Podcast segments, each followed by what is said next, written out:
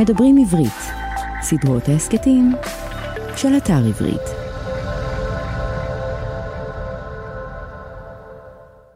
בניגוד לחוקי הפורמט של סדרת הפודקאסטים הזו, אני אתחיל בסיפור אישי. את צעדיי הראשונים כספרנית עשיתי בספרייה העירונית בכפר יונה, שלמי שלא יודע, היא אחת הספריות היפות בארץ, בכל עונות השנה ובכל ימות השבוע. אבל שעותיה היפות ביותר עבורי היו בימי שישי בבוקר, שאז הספרייה הייתה כמו הופכת להיות הממלכה הפרטית שלי. שעות הייתי עוברת בין הכונניות ומסדרת את המדפים. את הספרים שבטעות הוחזרו למדף לא שלהם, הייתי משיבה למקומם. ואני, עם ה-OCD שלי לסדר, דאגתי שכל סופר יהיה צמוד לספרים שלו לפי סדר הוצאתם לאור. לא הייתי מסוגלת לסיים משמרת לפני שווידאתי שכל הספרים מסודרים למופת, מוכנים לפתות את האדם שיבחר לקחת אותם אליו, ובתמורה הם יטיסו אותו בדמיון למחוזות אחרים. את הספרים של אהרון אפלפלד לקח לי הכי הרבה זמן לסדר. ולא כי יש המון מהם, וכשאני אומרת המון אני מדברת על יותר מ-40 ספרים, כן? אלא שכל שם של ספר שלו עורר בי סקרנות רבה שגרמה לי לשלוף אותו מהמדף, להתעכב עליו כמה רגעים ולעיין בו. ואז, באיזה יום שישי חורפי במיוחד, החלטתי שאני שואלת שני ספרים של אפלפלד לסוף שבוע. בשבת בצהריים כבר סיימתי את שניהם. מי שמכיר אותי יודע שאני כמעט תמיד קוראת שני ספרים במקביל, רק שבמקרה הזה קראתי כל ספר, מההתחלה ועד הסוף, בלי לפזול לכיוונו של אף ספר אחר. ביום ראשון כבר שאלתי ארבעה ספרים. וכך התחילה תקופת הבינט שלי לספרים של אהרון אפלפלד. תקופה שנמשכה כמה חודשים, והיום, בדיעבד, אני מבינה כמה היא הייתה משמעותית והכרחית להתפתחות שלי כאדם בעולם הזה. אני זוכרת שהספרים שלו כל כך הפתיעו אותי, ששאלתי את עצמי, מה הקטע שלי? מה גרם לי כל השנים האלה להימנע מלקרוא את הספרים שלו? ולמה באופן כללי אתם לא תראו אנשים צעירים שסתם יושבים להנאתם ובידם ספר של אפלפלד? השאלה הזו העסיקה אותי לא מעט, וכשהפניתי אותה לאנשים, או אפילו לקוראים שהיו מגיעים לשאול ספרים בספרייה, והייתי ממליצה להם לקרוא אותו, תמיד קיבלתי את אותה התשובה שהם... אהרון אפלפלד זה לא הסופר ההוא שכותב על השואה? זה שכל הספרים שלו מתעסקים בשואה או סביב השואה? עזבי, צוף, אלה בטח ספרים מה זה כבדים ומדכאים. ובא לי לצעוק לכולם שלא, לא, לא, איזה כבדים, איזה מדכאים, איזה שואה, תקשיבו, לא, לא, זה בדיוק מה שאני חשבתי עליו לפני שהתחלתי לקרוא אותו. ואני טעיתי בגדול. אפלפלד נולד ברומניה בשנת 1932. הוא היה בן שמונה כאשר רצחו את אמו בשער ביתם, את מותה הוא לא ראה בעיניו, אך את צעקתה הוא שמע היטב. ואז, בחורף המקפיא, הובילו הגרמנים את היהודים בצעדה לעבר מחנות הריכוז. כשהם הגיעו למחנות הריכוז, הופרד אפלפלד מאביו, אותו הוא לא יפגוש יותר עד שנת 1957, השנה בה הם חברו מחדש בארץ. אפלפלד הצליח לבסוף לברוח מהמחנה, ובמשך שנתיים הוא שרד לבדו בכפרים וביערות, כשהוא מסתיר את זהותו היהודית. באותם הכפרים, בפריפריה, גרו אנשי השוליים. הם קיבלו אותו ולא שאלו אותו יותר מדי שאלות. בשנת 1946 הוא עלה לארץ ישראל. הוא עבר למחנה הצורים בעתלית, ומשם לבית הספר החקלאי בירושלים, ומשם לנהלל, בה עבד עד גיוסו לצה"ל. הוא אמר פעם באחד הראיונות איתו שהוא התפתח בזמן המלחמה, ושאלה היו שנים חשובות ביותר. הן היוו עבורו בית ספר ותיכון גם יחד, מאחר והוא לא למד באף מוסד בשנים הללו. אני הייתי ביערות, הוא אמר. הייתי במחנות, בגטאות, בכל מיני מקומות. אני למדתי מהמים, מהעצים, מהחיות, מהאיכרים, מהאנשים שפגשתי בזמן המלחמה ואחריה. זה היה בית הספר שלי, שבנה ראשית כל את הרפלקסים שלי לעולם ואת מחשבותיי על העולם. עכשיו רגע, לפני שאנחנו נכנסים לספר שלשמו התכנסנו כאן, אני רוצה לגעת בנקודה חשובה שהזכרתי קודם, לגבי הסופר אהרון אפלפלד, על כך שהוא הצטייר בעיני אנשים לאורך השנים כסופר שואה. אם נחשוב על התקופה בה הוא החל לכתוב ספרים, אז בואו נדמיין רגע את מדינת ישראל בשנות ה-50, כאשר יש חלוקה מאוד ברורה בין אלה שנולדו כאן או עלו לכאן לפני המלחמה, ואלה שהוגלו לארץ. גם יהודים מארצות ערב וגם יהודים מאירופה, שניהם באותה מידה היו בגולה. היחס לעולים החדשים מצד התנועה הציונית היה כזה שהם דרשו מהם לשכוח את העבר שלהם ולהפוך לישראלים, בין אם העבר שלהם כלל מנהגים מתימן, ממרוקו, מעיראק, ובין אם אלה יהודי אירופה שחוו את השואה והתבקשו לשכוח את כל מה שקרה שם. גם את השפה. ואפלפלד, בזמן שהוא מנסה לשחזר בראשו וגם על הכתב את חוויות הילדות שלו, הרגיש שבעצם מבקשים ממנו לשכוח אותן. זו גם הסיבה שגרמה להוצאות לאור לדחות את הכתבים שלו במשך לא מעט שנים. ספרו הראשון שיצא לאור, עשן, הוא ספר שמדבר על אנשים שמנסים לברוח מהזיכרון שלהם. אבל אותו זיכרון מחכה להם בסיבוב. אבל ספריו של אפלפלד בכלל לא עסקו בשואה עצמה. זאת אומרת, עלילות הסיפורים שלו אכן מתרחשות סביב תקופת המלחמה, בין אם זה לפניה והנסיבות להתרחשותה, או ממש בזמן שהיא מתרחשת, ובין אם זה אחריה, בארץ ישראל, אבל הן לא עוסקות במאורעות השואה עצמה. אפלפלד כתב עשרות שירים, רומנים ונובלות שזיכו אותו ב-13 פרסים בארץ ובעולם, וכתביו תורגמו לעשרות שפות. עכשיו, בתור פריקית של אפלפלד, לעשות פרק על ספר אחד שלו זה כמו לבקש ממני לעשות פרק על אחד מהאחיינים שלי כפרה עליהם, כאילו בואו, אני אוהבת את כולם, איך אפשר לבחור אחד? נגיד, הספר שלו, האיש שלא פסק לישון, יומן שינה אוטוביוגרפי מופתי וגאוני שלו, הבן אדם, גאון. או ספרו תור הפלאות, שרק על הפתיחה שלו אני יכולה לדבר כאן יומיים שלמים. ואל ארץ הגומה, וואו, במילה אחת, כיסופים. בקיצור, אתם מבינים לאיזו דילמה הכנסתי את עצמי כאן. ובסופו של דבר, בחרתי בספרו האחרון שיצא לאור לפני שהוא נפטר, ואולי הכי פחות מדובר מבין כל ספריו. והסיבה לכך היא שאני מרגישה שבספר הזה, אפלפלד הצליח לקחת את כל אותם החלקיקים המופלאים שהוא אסף לאורך כל מסע חייו, ולחבר אותם לספר אחד, שהוא תלת-מימדי. זהו ספר שטומן בחובו את המימד הפסיכואנליטי שעוסק בתודעת האדם ובעולם החלומות, את המימד האבולוציוני שלנו, חברתית ותרבותית, ואת המימד המיסטי, שהוא כל כך גדול בספר הזה, עד כדי כישוף של ממש. תלת-מימדי. אפלפלד נפטר בשנת 2018. הספר תימהון, בו נעסוק בפרק זה, יצא לאור בשנת 2017 בהוצאת כנרת זמור הביטן. ועכשיו, תופים! מדברים על הספר. הספר תימהון מתאר את חייה של אירנה, בחורה נוצרייה, בת 27, אשר חיה בחלקת אדמה שהורישו להוריה בכפר. אירנה נישאת לגבר בשם אנטון. בתחילה חיי הנישואים שלהם היו טובים. בבקרים היא עבדה בבוסתן, בערוגות הירק וברפת, ובערבים היא הייתה נהנית בחברת בעלה, הם היו נוסעים לבילויים מחוץ לכפר, ועל פניו היא הייתה די מאושרת. רק שהאושר לא נמשך זמן רב, כי מיד אחר שהוריהם נפטרו, מתחילים לפקוד אותם אסונות בזה אחר זה, תחילה שיטפונות שעקרו את הבוסתן ממקומו, ואז שתי הפרות שלהם שבלילה אחד חלו ומתו שתיהן. בעלה הופך לעצבני ואלים. הוא חוזר כל יום מהעבודה, חסר סבלנות ומרוגז, דורש ממנה את פנת הבשר שלו, ואחר כך פוגע בה מינית. הוא מתנפל עליה באכזריות, מפיל עצמו עליה, גופה מתכווץ מכאב, הוא רואה שהיא סובלת, שהיא כאובה, אבל הוא לא נרתע, להפך, הוא נוזף בה שהיא אישה רעה שלא נשמעת לרצונו. זה קורה בלילות, לפעמים כמה פעמים בלילה אחד, אבל גם בבקרים, לפני שהוא יוצא לעבודה. וזה קורה בכל יום. גם כשהיא אומרת לו שכואב לה נורא הראש, זה לא נוגע בו, והוא ממשיך לפגוע בה ובגופה. מכירים את הקטע הדבילי הזה, שאומרים שנשים משתמשות בכאבי ראש כתירוץ לחמוק מהאיש שלהם שרוצה להיכנס איתן למיטה ולהן לא מתחשק? יופי, אז זה לא הסיפור פה.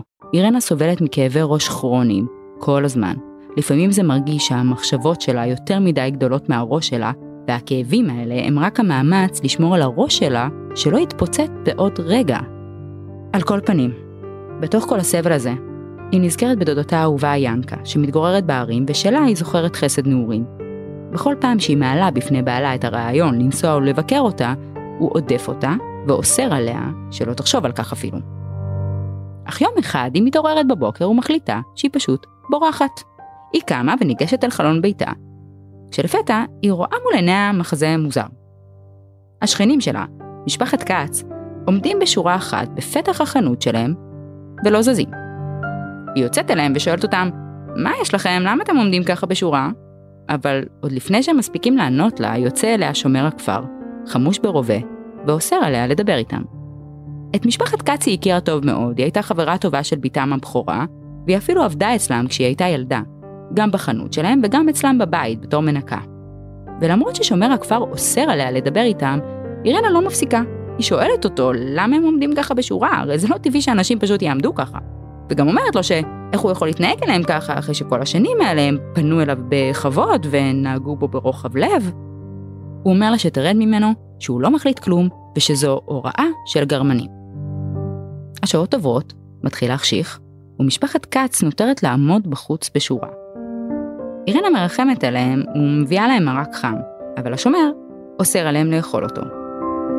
למחרת בבוקר, אחרי לילה ארוך בו בעלה אונס אותה שוב ושוב ושוב, אירנה מתעוררת משנתה ומחליטה שזהו היום, היא בורחת אל ההרים, אל דודתה.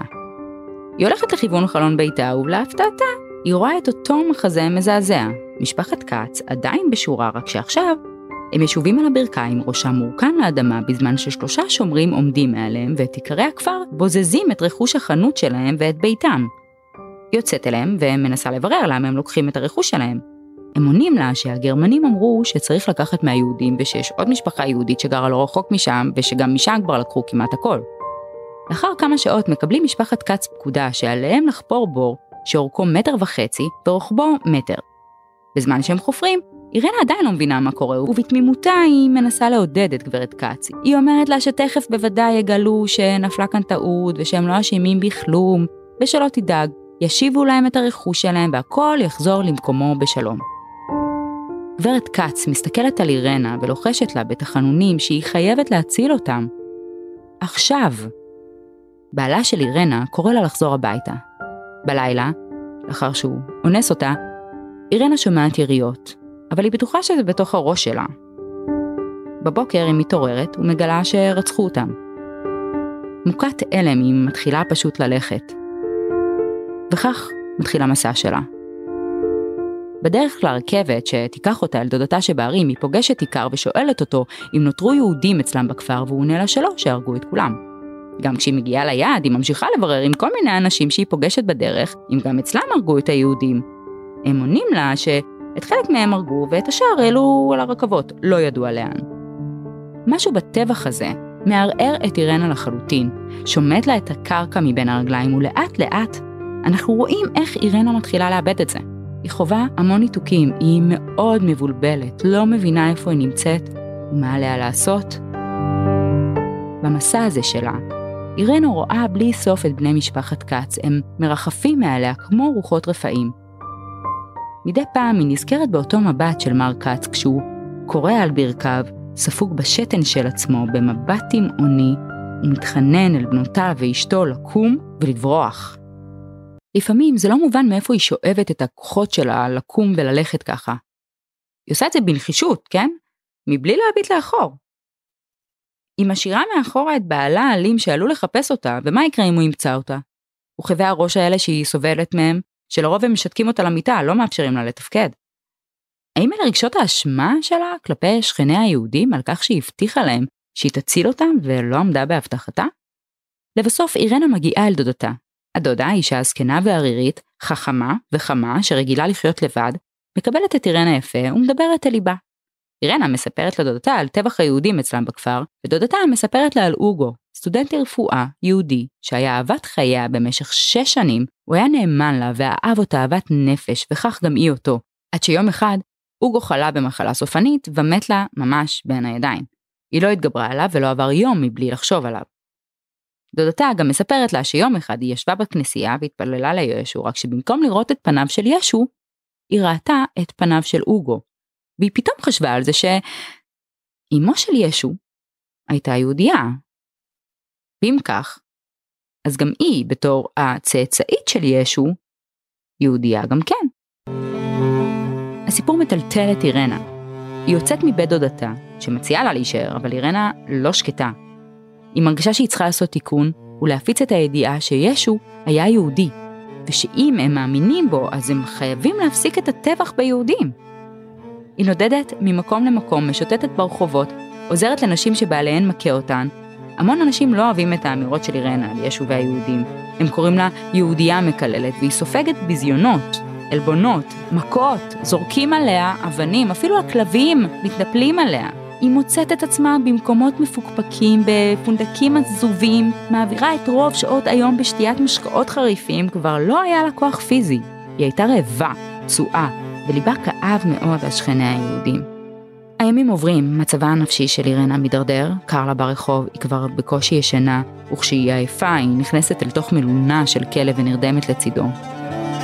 לילה אחד, ברחוב, היא פוגשת בגבר שנראה בדיוק כמו השכן שלה, מר כץ. הוא פונה אליה ומתחיל לדבר איתה. אירנה נבהלת, עד כה הוא היה בדמיונות שלה, וכעת היא ממש רואה אותו מולה. היא שואלת אותו, איך זה יתראה שאתה עומד מולי? אתה הרי מת. מר כץ אומר לה שהם לא יכולים למות, מפני שלא המיתו אותם כראוי. מוכת הלם ובעתה היא שואלת אותו, איך זה יכול להיות שאתה מדבר? הוא מתבונן בה, חושב, ועונה לה שהוא שתק מספיק. לפתע, הוא אומר לה שהוא חייב ללכת. לאן? היא שואלת. אל הבור שבפתח החנות. הוא משיב לה ומסתלק. אירנה מגיעה להחלטה. היא מתחילה לצעוד, בנחישות. כשאנשים ברחוב שואלים אותה לאן היא הולכת, היא עונה, לירושלים. עכשיו, אם חושבים על זה לעומק, הרי מתי רצחו את בני משפחת כץ? בלילה, בזמן שאירנה ישנה. ומה היה הדבר שנתן לה אומץ לקום ולעזוב הכל? אותו טבח מזעזע, הרי היא קמה למחרת בבוקר, פשוט הולכת. עכשיו נשאלת השאלה, האם ייסורי המצפון של אירנה, על כך שמשפחת כץ נרצחה בזמן שהיא ישנה, הם אלה שגורמים לה לא להירדם יותר? אולי היא מרגישה שהיא כבר נרדמה פעם אחת על השמירה, ושאם היא לא הייתה נרדמת באותו לילה, היא הייתה מצליחה להציל אותם וכל זה לא היה קורה? לא כך מסתיים הסיפור, אבל כהרגלנו בקודש אנחנו לא עושים ספוילרים. הספר הזה שמתאר את הטירוף של אירנה מתחבר לנו למקומות מאוד עדינים בנפש האדם. עדינים עד סכנה של ממש. זה הקו הדק הזה שמפריד בין מלחמה על האמת שלך לבין הטירוף, השיגעון, התימהון. הקלות הזו שבן אדם יכול, בלי לשים לב, לעזוב את מולדתו, את בית אביו ואמו, וגם את עצמו, אפלפלד מביא לנו כאן סיפור שלא מסופר בכלל מנקודת מבטם של היהודים באותה תקופה. ובכלל, שמעתם, זה לא ספר שמדבר על השואה. זה ספר על אישה אחת, שביום אחד איבדה את הוריה, נישאה לגבר אלים שהתעלל בה מילולית ומינית, שהייתה עדה לטבח של שכניה, שרק רצתה שקט ושלווה ושנלחמה על האמת שתצא לאור, גם אם זה בא על חשבון בריאותה הנפשית והפיזית. בספרים של אפלפלד יש לא מעט דמויות נשים שהגיעו ממעמד נמוך, מהתחתית, אך הן תמיד גיבורות חזקות, מעוררות השראה והשתאות.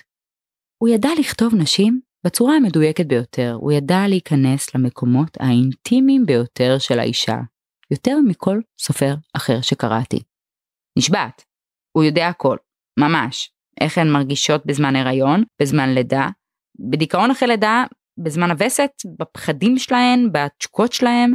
למשל, בספרו, פריחה פירית, מסופר על אח ואחות שגרים יחד במקום רחוק ומבודד, והם הופכים מאחים למאהבים.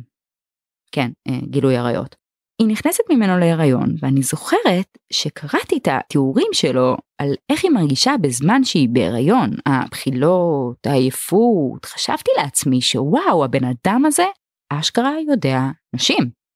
וכמה זה מדהים שגבר שאיבד את אמו בגיל שמונה כותב כאילו אותה אישה לא עזבה אותו מעולם, ויותר מזה, כאילו היא מדברת את עצמה מתוכו.